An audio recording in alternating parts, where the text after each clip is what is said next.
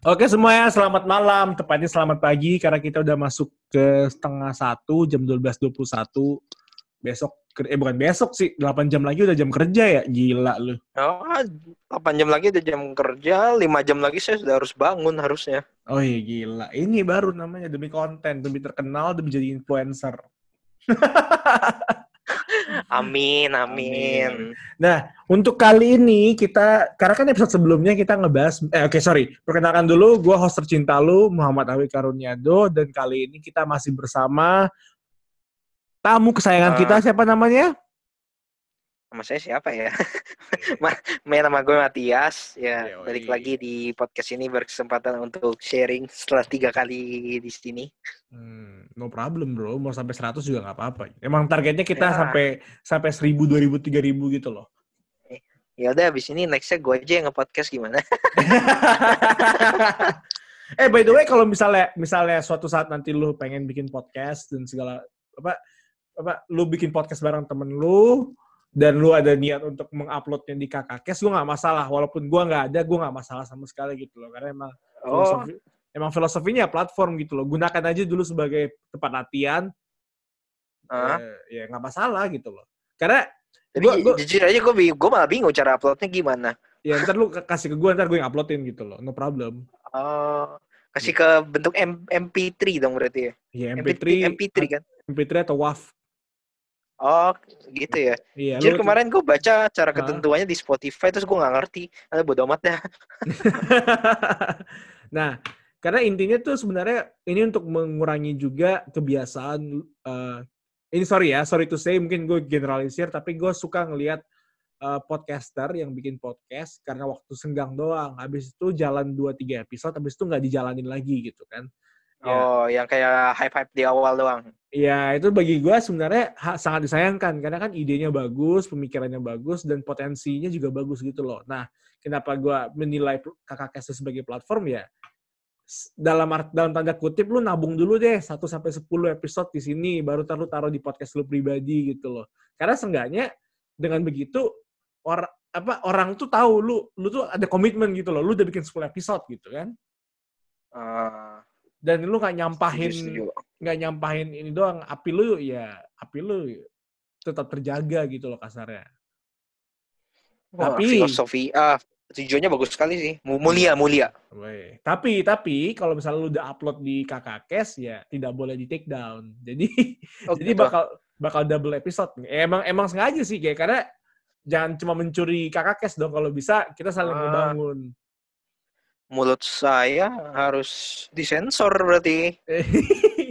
eh nggak apa-apa di kakak kes tuh kasar loh orang-orangnya. Oh, emang bangsat bangsat orangnya. Eh, tapi ada satu ya episode di mana gue sama temen gue, gue tuh rekaman tuh sampai satu jam 20 menit, bayangin Matt. Tapi 30 sampai 40 menit episode tersebut kita ngomongin politik yang benar-benar sebut nama orang ya dari capresnya, dari back backingnya, dari ketua partainya segala macam kita omongin. Jadi untuk menjaga nyawa kita supaya tidak ada tukang bakso, podcast itu kita potong 60%. Begitu. By ini kenapa Matias tidak ada suaranya ya, Matt? Halo, Matt. Oke, iya jadi konsep sederhananya Kakak Kes ya begitu ya. Jadi platform lu upload-upload bebas, tapi uh, tetap dijaga kontennya tetap di, di tempat gua sama di tempat lu juga. Jadi model yang udah kita okay. jalanin, sorry dikit, bentar ya. Model yang kita jalanin tuh gua sama teman gua, teman gua bikin namanya Creator's Voice itu udah 40 episode. Tapi sampai 10 episode sampai 15 episode pertama itu ada di Kakak Kes. Gitu loh. Hmm. Untuk ngejaga udah udah, udah konsisten belum? Udah, oke okay, baru kita rilis gitu loh.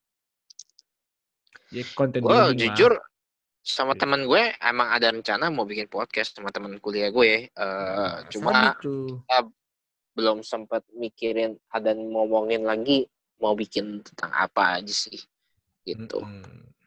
ya semoga ke depannya jadi amin amin karena ini saran yang bagus sih untuk membangun brand oke okay. yes kita lanjut ke bagian yang merupakan daging dari pembicaraan di pagi hari ini di di, di mendekati subuh hari ini yaitu uh, mengenai cinta. Jadi kan sebelumnya si Babang Martia, Matias udah menjelaskan mengenai mantannya dia dan pengalaman apa yang ah. didapatkan sama pelajaran apa yang didapatkan dari mantan. Nah, sekarang kita ngomongin pacar nih. Pacar ke depannya gimana. Tapi sebelum itu, uh, gue pengen tahu dulu, menurut lu cinta itu apa sih, Mat? Ah, cinta ya gue jujur ya gue kalau ditanya kayak gini gue bisa jawab loh cinta ya ya ya ya ya ya, ya awa, awa, awa, bingung bingung bingung. Ya, ya itu ya itu. Jujur gue bingung anjir. Jawab apa? Cuma ini intinya begitu kayak apa ya mungkin lu mending cinta itu ya lu suka me, ada rasa suka mm -hmm. ada rasa suka atas sesuatu uh, tapi ada tapinya tapi lu tidak menuntut itu menjadi sesuatu yang lain. Jadi kayak ya lu terima padanya gitu loh. Ngerti gak sih? Jadi kayak lu mau sesuatu atau lu apa merasa ingin memiliki sesuatu atau seseorang tapi kalau namanya cinta itu kayak lu akan menerima itu apa adanya. Dan lu akan memberikan effort untuk itu. Ya misalnya gue cinta pekerjaan gue hmm. Ya, ya gue kan kayak misalnya gue cinta sama toko gue nih ya gue kan kasih effort buat toko gue gue riset produknya gue apa namanya gue edit segala macem keywordnya segala macem. Itu contoh cinta pekerjaan ya. Kalau cinta orang kayak apa ya ya terima orang itu ya gue gak mau nafik ya mungkin gue lihat fisiknya dan lu suka terus ternyata kenal-kenal lu suka sifatnya terus lu suka juga jadi semakin suka. Kalaupun lu ingin merubah mm-hmm. kayak lu bukan merubah dia jadi apa yang lu mau cuma kayak lu merubah dia menjadi versi dia yang lebih baik aja. Ngerti gak sih maksudnya? Mm-hmm. ngerti kan? The, the, uh, two, two different thing gitu kan? Kayak lu mengubah dia menjadi apa yang lu mau sama lu mengubah dia menjadi dia yang lebih baik. Itu kan kayak mm-hmm. dua hal yang berbeda. Ya misalnya yang tadinya begini lu ajarin dia lu ajarin kayak nggak boleh begini mending apa harusnya begini begini begini. Bukannya kayak kamu yang kayak aduh eh, gue gak bisa jabarin dalam contohnya cuma intinya ngerti lah ya. Hmm, hmm, hmm. nah kayak gitu sih kalau kalau cinta ya menurut gue. Gue nggak ngerti gue ini nggak salah nanya orang tahu nggak saya setelah putus ada chat beberapa orang tidak berhasil semua sampai sekarang. Kenapa saya ditanya seperti ini? Hmm. Oke, jadi cinta itu memberikan effort ya dan mengeluarkan oh, iya, ini effort ya. Effort dan mengeluarkan potensi dari uh, sang sang perempuan itu ya, sang perempuan itu ya. ya, itulah intinya begitu. Nah, jadinya menarik nih. Di saat lu bilang apa? Saat lu bilang uh, effort, nah effort itu seperti apa tuh yang gue pengen tahu? Karena kan ya ngomong kalau cuma bilang sebatas I love you itu kan gampang banget ya. Kayak ya, bahkan ya, Gampang banget. Semua manusia juga bisa. Sama sama cewek yang baru kenal juga gampang banget. Kayak sebenarnya kayak gue udah udah mulai ada perasaan dia. Woi, buayanya keluar anjing. Kamu diapain nama pacar kamu? Kalau ada masalah coba dong cerita sini nggak apa-apa kok. Aku selalu ada di sebelah kamu. Bab. Ini gue jujur aja gue geli sih denger. eh gitu-gitu itu yang membuat gue oke, okay, jangan bahas tentang diri gue, kita bahas tentang lu. Nah, nah tapi tapi tapi iya maksud gue effort itu yang apa ya? Hmm ya basically uh, as a as a human being tuh effort itu nggak harus gimana-gimana. Yang penting lu menjadi seperti manusia pada umumnya. Kayak lu diberikan telinga untuk mendengar. Lu diberikan hmm. mulut untuk memberikan nasihat. Lu diberikan tangan atau badan untuk memberi apa entah kehangatan atau memberikan sesuatu yang which is membangun effort gitu gak sih? Kayak jujur gue kalau dijelasin secara teori gue gak bisa gitu. Kayak effort itu ya sesuatu yang yang lu ker yang lu kerjakan untuk mencapai impian itu. Mm-hmm. Kayak untuk merawat hubungan lu kayak atau gimana gitu loh. Kayak kayak gitu sih. Kayak misalnya contoh yang paling gampang ya kalau ada masalah didengarkan. Kita mendengarkan dengan baik. Uh, pas, misalnya orang cerita ke kita. Itu udah effort itu. Sangat effort. Even lu tidak membantu sekalipun, Maksudnya tidak bisa memberikan saran sekalipun. Karena kan kalau kita paksain diri kita buat beri saran susah ya kayak aduh gue gimana nih? Misalnya misalnya nih misalnya. Kayak kayak kayak gue kuliah nih misalnya. Terus gue kerja. Uh, anggaplah dia nggak ngerti soal dunia kerja. Anggap aja anggap.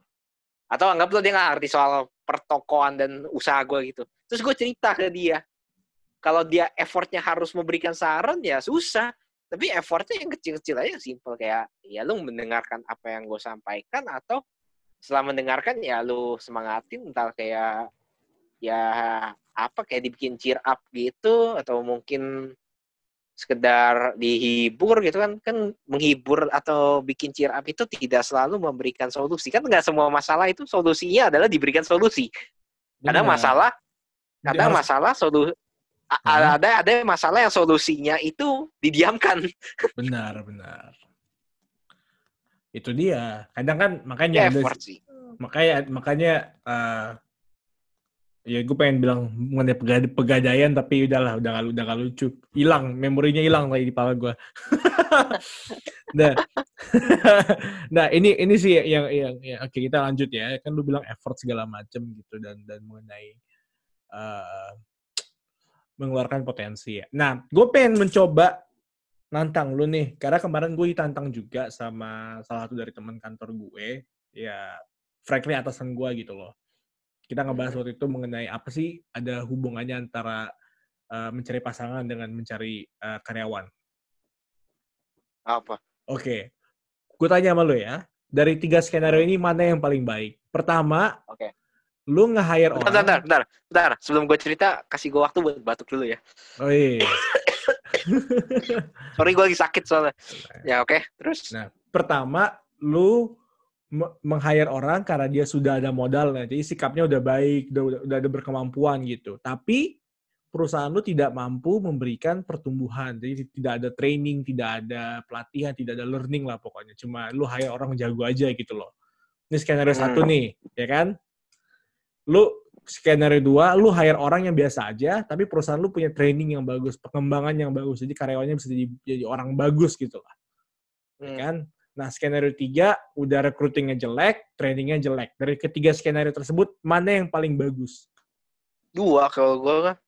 Kalau tiga ah. jujur, kalau tiga jujur gue udah nggak lihat sih recruitingnya jelek nggak ada training kalau dua gue iya. gue dua lebih oke okay sih gue lebih prefer karena basically tidak ada karyawan yang sempurna ya semua karyawan yang sudah mencapai posisi tertinggi pasti pernah ada di posisi pertama dia stres atau pertama kali dia mulai yang tidak ngerti apa apa oh gue akan pilih yang kedua gitu loh kalau jujur hmm. aja Oh, itu berarti lain kan sama cara lu memandang pasangan karena waktu lu bilang tadi kan mengeluarkan potensi yang paling baik, yang paling dalam hmm. tuh dari dari hmm. pasangan hmm. lu. Berarti kan ini align banget sama jawaban lu. Lu ya, iya.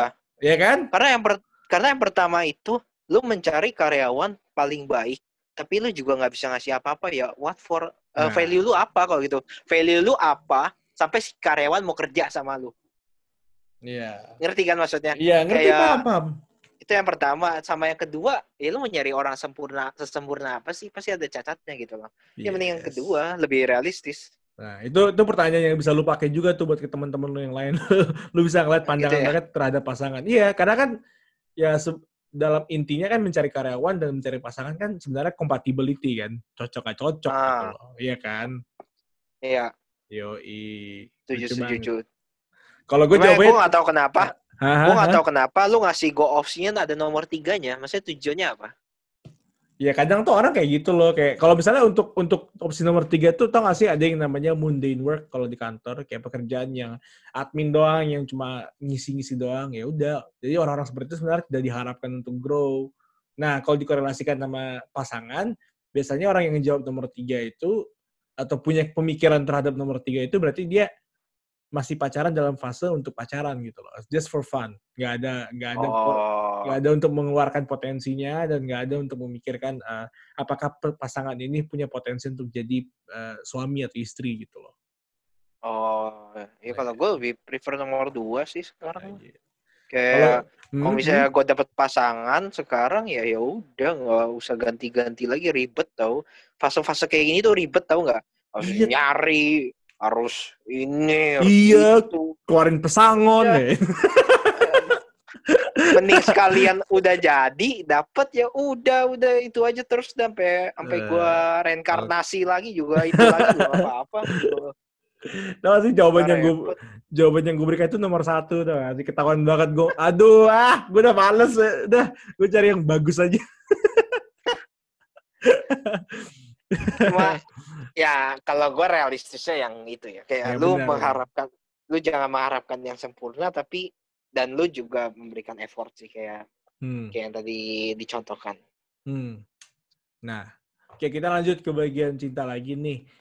Gue pengen tahu lu proses uh, mencintai orang itu apakah membutuhkan waktu? Jadi kayak cinta itu ibarat dipupuk baru tumbuh terus berbuah atau cinta itu pandangan pertama? Gua gua nggak bilang gue pandangan pertama, mungkin pandangan kedua. karena karena Jancok. karena gue serius serius gue mungkin sudah ketemu nih sama orangnya dan lihat oh ya udah ya udah gitu loh ketemu hmm. lagi dia bisa suka anjir dan kalau gue di kondisi gue lagi kayak gini maksudnya lagi nggak ada siapa-siapa gitu gue suka sama orangnya cepet serius hmm. serius hmm. suka sama orangnya cepet hmm. Tapi sekalian nempel ya komit kayak Oh, Maksudnya gitu. udah nggak gitu. main-main gitu loh. Oh, Bukan oh, yang kayak serius serius. Iya. Maksudnya kayak gue suka sama A, ya udah. Uh, misalnya A-nya nggak nggak bisa nih, tapi gue bisa dalam waktu yang cepet. Ini cepet relatif ya kan. Gue nggak tahu kalau sebulan atau dua bulan menurut lo cepet apa kagak gitu loh. Cuma kadang berapa kalau beberapa orang yang nanya ke gue, eh beberapa orang yang gue tanya itu bilangnya cepet. Kayak gue suka sama A, tiba-tiba nggak nggak jadi nih atau gimana? Ya udah gue bisa sama B tiba-tiba bulan depan. Suka gitu loh. Tapi sekalinya benar-benar dapet yang klop yang benar-benar bisa diperjuangkan diberikan effort gue akan stay di situ. Kayak gitu kalau kalau gue ya gitu loh. Hmm, hmm, hmm. jadi sukanya cepet. Dan serius kalau misalnya kondisinya sukanya cepet ya easy come easy go ya. Jadi sukanya hmm. cepet. Kalau misalnya nggak dapet misalnya tidak bisa diberikan effort atau gimana bosnya juga cepet Hmm. Misalnya gue suka nih sama orang A, suka nih, udah chat, udah ngobrol, udah gimana, tapi kayak tidak ada feedback atau gimana, gue akan cepet bosen. Kayak ah, ya udahlah, ah ya udahlah gitu lah. Ah ya udah gue ngapain gitu. Terus tiba-tiba gue ketemu B, suka, nggak uh, ada nggak udah effort nggak ada feedback juga ya gitu juga. Ah ya udahlah gitu. Gampang uring-uringan sih gue orangnya. Jujur aja kalau yang sekarang ya kalau yang sekarang. Gitu. Entah jujur mungkin gue juga ada sedikit kayak trauma. Gue gak bilang trauma sih cuma kayak ya gue ya takut mengalami hal yang sama seperti dulu saja sih intinya kayak gitu. Oke. Oke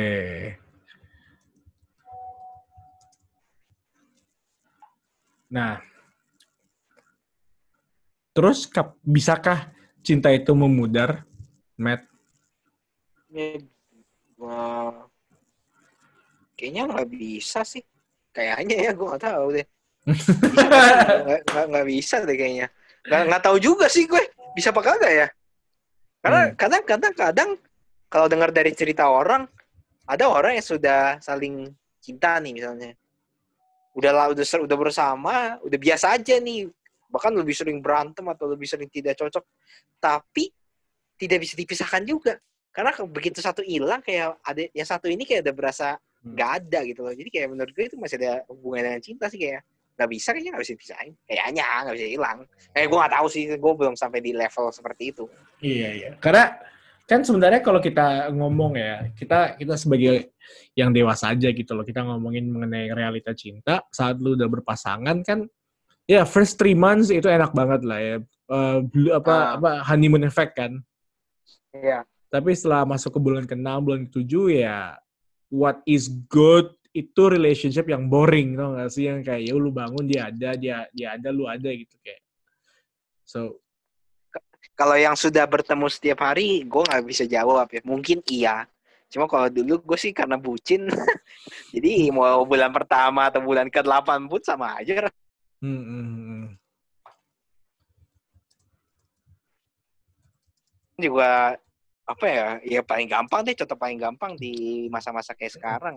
Yang kan tiba-tiba angka cerai naik gitu kan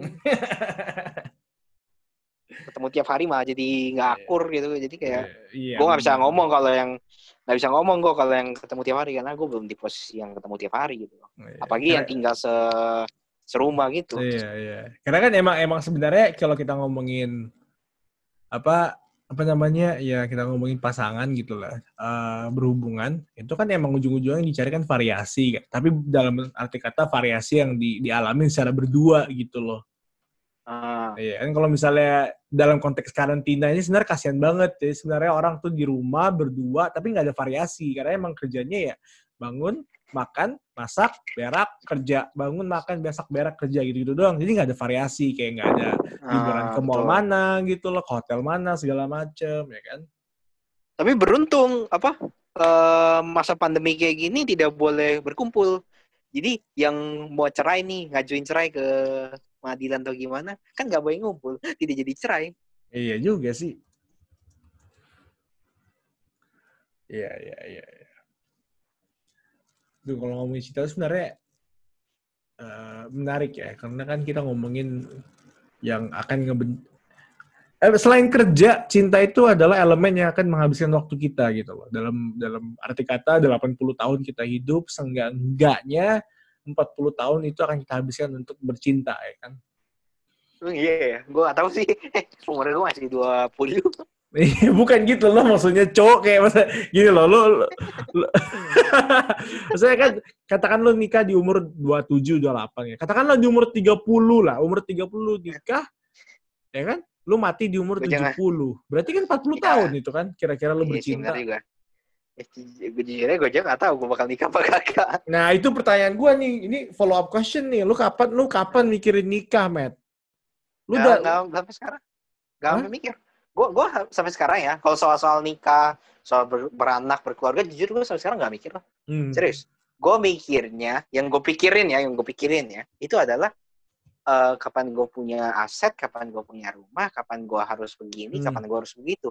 Itu yang lebih ke diri sendiri Kenapa? Karena menurut gue itu lebih bisa diukur gitu loh. Hmm. Kalau kayak misalnya, iya, maksudnya semua target pasti bikin stres, oke? Okay? Statement hmm. dulu itu. Semua target pasti memang bikin stres. Hmm. Apa pun alasan, apa pun targetnya. Benar punya sekali, rumah, bos. Tapi target punya rumah atau target punya aset itu lebih realistis dipikirkan, lebih lebih realistis prosesnya daripada nargetin lo nikah kapan nikah tuh nikah tuh buat gue fluid. Kayak oh iya hari ini nikah juga bisa kok bahagia. Besoknya bubar bangsat. Fluid gitu loh. Kalau punya rumah ya rumah juga bisa aja. Lu beli rumah hari ini besoknya kebakaran hilang rumahnya juga bisa. Cuma kan itu kan konteks yang ya, ya maksudnya ya itu kemungkinannya berapa persen sih maksudnya. Cuma lebih bisa diukur kalau punya rumah kayak gue harus begini nabung segini kalau cinta kan bukan cuma ukuran uangnya, bukan ukuran biayanya doang. Ya nggak sih? Benar. Ntar, benar. Lu belum nyocok, lu belum nyocokin sifatnya. Ya kalau dulu pacaran nampilinnya bagus-bagus semua, cewek make upan semua, cowok uh, pakai bajunya yang fashionable. Eh begitu seru mah mukanya hancur. mukanya hancur, terus yang cowoknya juga cuma pakai sarung misalnya nggak ada yang tahu kayak gitu aja bisa bikin selek kadang-kadang jadi gue jujur aja sampai sekarang belum mikirin nikah mau kapan, mau punya anak kapan, mau berkeluarga kapan, enggak. Yang gue pikirkan target-target yang menurut gue lebih realistis untuk gue pikirkan. Punya rumah, punya ini gitu loh. Kalau misalnya lagian mau ngomongin berkeluarga, pasangan lain nggak punya gitu. Kalau nggak realistis gitu loh, mau ngomongin nikah, pasangannya aja nggak punya apalagi nikah itu bukan bukan impian satu orang loh. Kalau punya rumah impian satu orang jelas. Kayak gue bayangin rumah mau umur segini punya rumah, ya itu impian gue. Kalau nikah kan lu jalannya berdua sama orang, which is impian berdua. Yang harus which is entah didiskusikan atau gimana gitu kan. Misalnya gue mau punya impian nih, nikah umur 27. Sampai umur 27 gak punya pasangannya juga gak sampai-sampai itu impian. Terus dan pasangannya juga kayak gue nggak tahu sih cuma gue masih percaya uh, hmm. Hmm, hmm. halo lah gue masih yeah, iya. percaya yeah. Huh? pasangan itu nggak bisa dicari nggak tahu kadang dia datang dengan sendirinya gitu bukan datang dengan sendiri sih kayak kadang tuh kayak misterinya bisa muncul sendiri bukan yang dicari nggak tahu ya kalau gue mikirnya gitu ya gitu loh karena uh, gue suka sama orang yang yang maksudnya yang benar-benar gue pak yang gue beneran langsung gue kayak yang gue pikirkan untuk gue suka tidak ada yang jadi. Tapi yang nggak nggak expected gitu jadi. Yang kayak gitu-gitu sih. Jadi gue nggak jujur kalau ngomongin kayak itu gue nggak mikir sebelum nggak mikir sampai sono lebih tepatnya. Dan nggak tahu mikir apa kagak sih karena nggak tahu juga kan. Yang yang gue pikirkan yang lebih logis aja menurut gue. Punya rumah punya aset. Hmm. kalau nikah saya fluid menurut gue. Hmm. Hmm. Dan, dan jujur gue bingung sih kenapa orang berlomba-lomba nikah muda. Maksud gue oke okay, kalau bisa nikah muda ya bagus. Kalau secara finansialnya cukup ya oke. Okay. kalau secara keluarganya bagus ya oke okay. secara budayanya oke okay, bagus. Secara agamanya bagus ya udah. Secara kedewasanya bagus juga ya udah fine gitu loh. It's okay bagus kok. Tapi kenapa orang menjadikan itu sebuah patokan ya? Gue jujur gue bingung gitu loh. Entah kayak takut gimana gimana gue juga nggak tahu sih gitu. Loh jujur hmm. ini pikiran gue ya.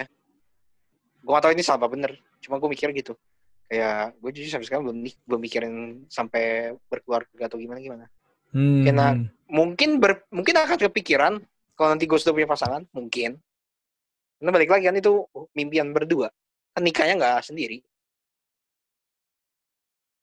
oke okay. tapi tapi tadi kan lu bilang kan pasangan itu kan tidak dicari kan. Berarti emang maksud dalam arti kata lu adalah pasangan itu emang akan muncul dalam Enggak juga sih sebenarnya. Bukan, bukan, bukan, sorry, sorry, bahasanya bukan itu ya. Soal gue gue keterbatasan bahasa Indonesia nih. Maksudnya, misalnya lu kerja nih, lu lagi membangun bisnis dan segala macem, dalam arti kata pasangan lu akan stumbled upon, kayak, kayak tiba-tiba muncul aja gitu loh di dalam kehidupan lu. Kayak misalnya partner kerja, partner bisnis, iya. gitu.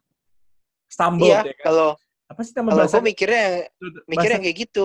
Bahasa kerennya serendipity kalau nggak salah gue. Iya. Serendipity ya. Kayak kayak bukan sesuatu yang bisa dicari kayak lu keinginan mencari kayak kayak lu mau cari kerja itu kan keinginan lu. Ah gue mencari kerja gitu loh. Tapi kalau tapi itu nggak berlaku kalau aku ah, mau cari pacar itu kayak nggak berlaku kalau menurut gue.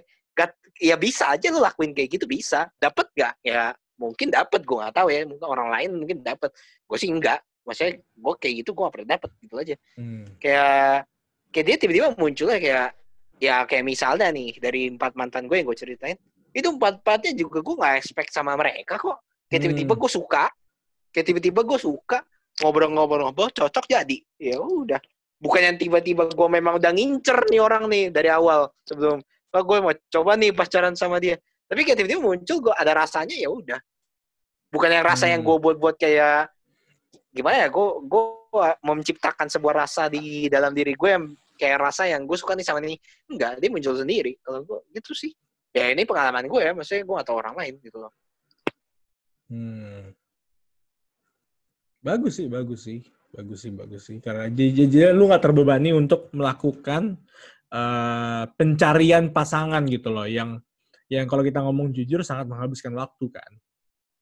Dan, iya. dan, ya, tapi jujur hmm? ngeri ngeri juga sih kalau misalnya udah misalnya ya misalnya uh, gue memang nggak memang tadi bilang seperti itu. Cuma gue nggak menutup kemungkinan kalau one day gue juga akan kepikiran gitu. Kayak aduh gue udah umur segini kapan nikahnya? Gitu. Gue nggak menutup itu. Bisa aja kan. Kan manusia kan juga fluid gitu bisa berubah tiba-tiba.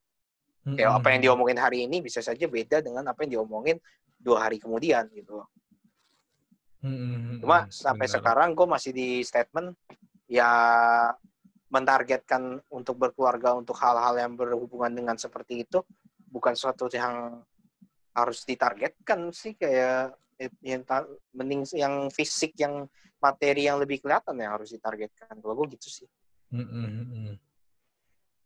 Toh, yang, kalau ngomong kalau mau ngomong jujur ketika lo menargetkan materi nih misalnya lo mau punya rumah dan punya aset secara tidak langsung itu juga terpenuhi nggak sih? Kayak misal lu menargetkan lu punya rumah nih besok eh enggak jangan besok cepetan. Dua bul dua tahun lagi. Berarti se dan ketika dua tahun itu tercapai lu punya rumah secara tidak langsung lu sudah lu sudah siap untuk nikah. Kapan aja kan ngomong kasarnya ngomong kasarnya udah ada rumah hmm, gitu loh. hmm, hmm. ya nggak sih? Hmm. jadi ya yang pasti-pasti aja. Targetin yang pasti itu lu akan dapat sekaligus semuanya gitu loh. Hmm. That, that's very good tuh. That, that's very good. Jadi kayak lu kayak barat kapal nih ya tujuan lu cuma satu doang gitu loh. Lu nggak nggak kayak iya. cek checkpoint apa checkpoint apa gitu. It's very good, it's very good. Betul. Tapi uh, ini langsung ke bagian yang lebih dalam lagi ya. Uh, probably gonna. Boleh. Ya.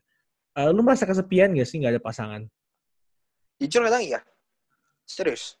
Gua pernah nge-statement ini ke teman-teman deket gue. Karena jadi gua uh, gue punya dua grup permainan sebenarnya bukan dua grup sih jadi ada satu grup wah main, gila kamu fuckboy ada... banget punya dua grup permainan cowok semua isinya cowok Waduh, semua. udah udah bosan sama perempuan gimana ya nggak gitu dong teman main temen oh, iya, siap, main siap, nih siap. ada satu grup satu siap, grup siap. terus ada satu temen satu satu orang satu orang doang yang deket ya gitu jadi terus, kayak terus. mainnya di beda beda kelompok lah istilahnya ya, gue pernah terus. statement ke mereka gue pernah mau statement ke mereka gue bosen nih nggak punya pasangan nggak bisa gue nggak ada yang bisa gue ajak pergi. Kenapa? Karena teman-teman gue semua sibuk sendiri-sendiri entah ada yang sama keluarganya atau apa. Terus ya itu yang gue rasakan kayak kalau punya pasangan kadang tuh membuat gue mau ke mana-mana tuh gampang ada temennya. Apalagi manusia kayak gue tuh manusia sangat ekstrovert. Gue stres loh. Apa? Nggak bisa ketemu temen. Serius. Selama empat bulan ini jujur gue stres gue gak bisa ketemu teman.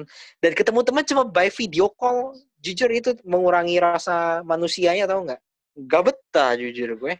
Gue manusia tidak betah dengan yang namanya sendirian. Even orang ada yang bilang dalam proses hidup lu akan mengalami kesendirian ketika mengejar impian lu. Itu gue setuju. Itu gue setuju. Ya sampai sekarang gue juga ngerjain pekerjaan gue masih sendiri gitu loh. Tapi nggak bisa dipungkiri manusia makhluk sosial dan kadang gue orang yang merasa kesepian kalau gue sendiri gitu loh.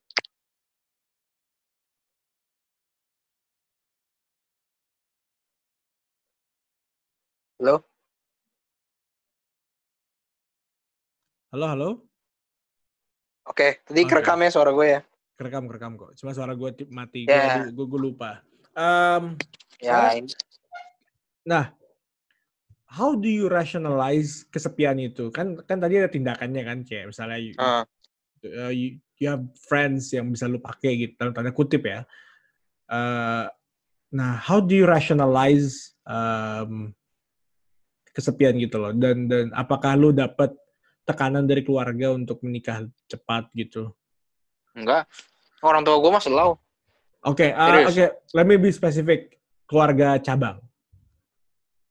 Uh, jujur, jujur gue gak bisa jawab karena gue belum mendapat pengalaman yang menekan seperti itu sih. Hmm. Oke. Okay. Tapi kalau untuk menekan uh, kesepian ya, uh, huh? gue tuh orangnya, uh, gue gak tahu ini positif apa kagak. Gue tuh orangnya suka cerita. Apa pun bentuknya gue suka cerita. Mulai dari yang gak penting sampai yang penting gue ceritain semua, semua temen gue juga pasti tahu Matias orangnya seperti apa, bawelnya kayak gimana kalau di grup atau kalau lagi ngobrol. Gak penting pun gue ceritain gitu loh. Even misalnya gue habis beli apa, misalnya gue habis beli bebek Madura gitu misalnya, gue ceritain ke temen gue, gue habis beli bebek Madura loh, supaya enak banget gitu. Nggak penting gitu loh. Ini gue ceritain gitu loh. Hmm, hmm, hmm, nah, hmm. basically ketika gue kesepian kayak gitu ya, gue cuma cerita aja ke teman gue. Mereka mau mereka mau nanggepin atau kagak ya nggak apa-apa. Karena uh, eh, gue tahu cerita-cerita seperti ini ada bukan cerita yang butuh ditanggepin gitu loh. Kan ada cerita yang dibutuh penanggapan, ada but ada yang enggak gitu loh. Ya gue cerita aja untuk menangani kesepian itu. Ya sepi, tetap kesepian kok. Tapi ya udah. Ya nanti juga hilang lagi rasanya. Entah lupa karena gue kerja atau lupa karena gue main atau gimana. Hmm, gitu. Very very practical ya, ya sebenarnya ya. Ya. Tapi kalau kesepian ya iya. Wah, setiap hari bahkan. Iya, benar, benar, benar. Dan gue bukan tipe orang, gue nggak bilang gue nggak deket sama keluarga gue. Tapi gue bukan tipe orang yang berbaur ngobrol gitu. Ya, ngobrol-ngobrol, deket-deket, tapi kayak ya ngobrol ya butuh pas butuh gitu. Atau, atau atau pas pengen lah bahasa lebih bahasa lebih bagusnya pas pengen. Pas pengen yang ada ngobrol yang ngobrol gitu loh. Dan pas butuh doang gitu. Dan ya jadi gue lebih baik temen kan. Cuma ketika temennya nggak ada ya sepian gitu. Mm-hmm. Mm-hmm. Tapi ya praktikal aja kayak tadi gue bilang. Ya udah kalau emang sepiannya gue cerita aja ke mereka. Dan bersyukurnya teman-teman gue pada mau dengerin sih, masih pada mau menanggapi gue ya bersyukur juga sih gue ya teman-teman kayak gitu walaupun gue tahu gue cerita gue nggak penting gitu loh ya gue cerita cerita aja sih gue gue gitu loh atau gue punya kebiasaan sekarang tuh suka ngajak ngobrol orang sih kayak siapa pun itu mungkin yang kayak pengen gue ajak ngobrol gue ajak ngobrol sih gitu loh hmm.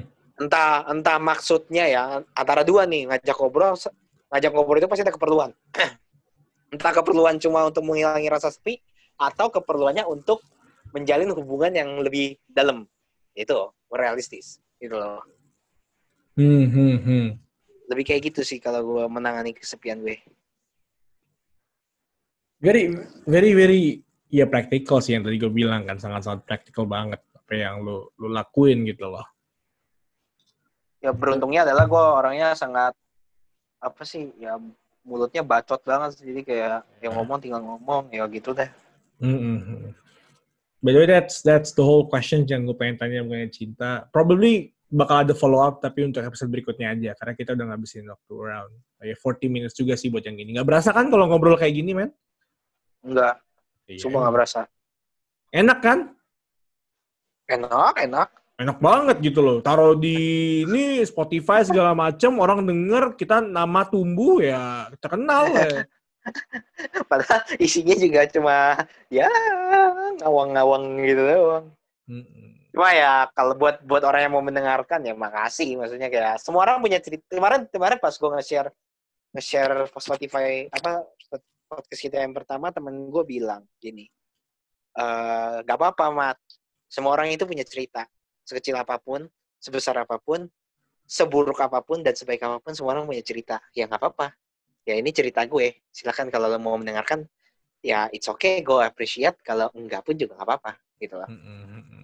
Bagus sih itu, bagus sih. Tapi ya kalau kita ngomong jujur, ujungnya bakal didengar gitu loh. Karena kayak sometimes in the future maybe uh, paling lambat 2 3 tahun lagi ya bakal terkenal dan saat satu episode terkenal misalnya episode berapa episode 200 terkenal orang yang baru tahu episode 200 bakal ngebuka episode sebelumnya dong karena eh ini kayak menarik ya. nih gitu loh. Ya semoga di dua tahun itu saya masih hidup. hidup lah, hidup lah. Kayak I mean like I mean like we're gonna live long gitu loh. Cuma kalau masalah kesehatan Amin. bukan, oke okay, salah. We're gonna live long, tapi masalah kualitas jantung mungkin tidak akan maksimal kali ya kalau kita ngeliatin dari gaya nah. hidup kita gitu kayak minum kopi Amin. kerja gitu kan kurang ajar. Wah ya kalau untuk ngomong gaya hidup gue juga gak bilang gaya hidup gue paling bener sih cuma kayak ya sekarang sudah berusaha menjaga aja sih karena gue sudah merasakan deg-degan waktu itu gue sempet mau di gue sempet batuk dalam cukup lama gue tak gue di indikasinya gue kena TBC indikasinya, maksudnya kayak dianggapnya kena TBC, untungnya enggak gitu loh. Itu aja gue udah takut gitu loh. Terus gue pernah kena mah, lu bayangin ini, ini lucu, ini jujurnya lucu. Gue kena mah, 2016 gue kena mah dua ha tiga hari gue baringan, gak pegang HP, gak apa-ngapain, cuma baringan, uh, erang-erang aja gitu. Kayak kesakitan terus guling-guling, mah mah gue kambuh gitu tiba-tiba di otak gue kepikiran mah aja gue nggak tahan sakitnya apalagi api neraka. Hei, gila lu. Gila lu mikirnya. Bisa ke, bisa kepikiran kayak gitu coba. Absurd sekali. Ya sudah lah ya. Ya, tapi untuk ngomong soal podcast, yes, kayak platform ini cukup menyenangkan menurut gue. Wah, gila gue seneng banget sih karena uh, sejauh ini ya paling gampang produksi konten itu adalah podcast dan TikTok. Sangat gampang buat produksi konten. Nah, TikTok buat gue susah sih. gue gak bisa joget-joget soalnya. Oh, ntar gue kirim dulu contoh TikTok yang gue upload ya. Karena gue baru mulai juga, tapi kayak very, very simple. Oke, okay. uh, ada kalimat terakhir nggak untuk meng-sum, meng-sum up seluruh podcast experience di episode kali ini gitu? Come on, come on boy, come on boy. Apa ya, apa ya? Ya ya nikmati proses. Basic banget ya. Kayak kayak lu basic uh, bitch banget sih gila lo.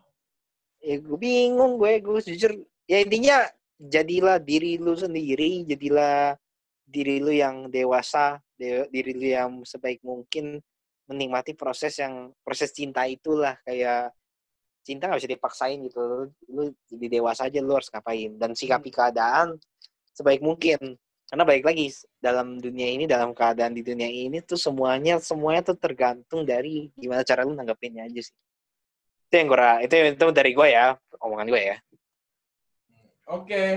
itu untuk episode kali ini thank you banget udah dengerin para para audiensnya kakak Kes nama ya. guest tersayang kita kali ini adalah Matias Nur Salim. Kalian bisa ngeliat di Instagramnya, ya. bisa ngeliat di LinkedIn-nya segala macam. Terima kasih. Thank you, thank you. Semoga ada nilai yang bisa lu tangkap dari episode kali ini ya. Amin. Semoga, okay. semoga yang pasti pesan gue, semoga gue udah tiga kali di podcast ini semoga apa yang gue share tuh bermanfaat karena gue paling seneng ketika gue melakukan satu dan bermanfaat buat orang Wah. gitu dong sip sip oke okay. itu aja mantap oke okay. ya terima kasih ya Matt thank you yo, yo.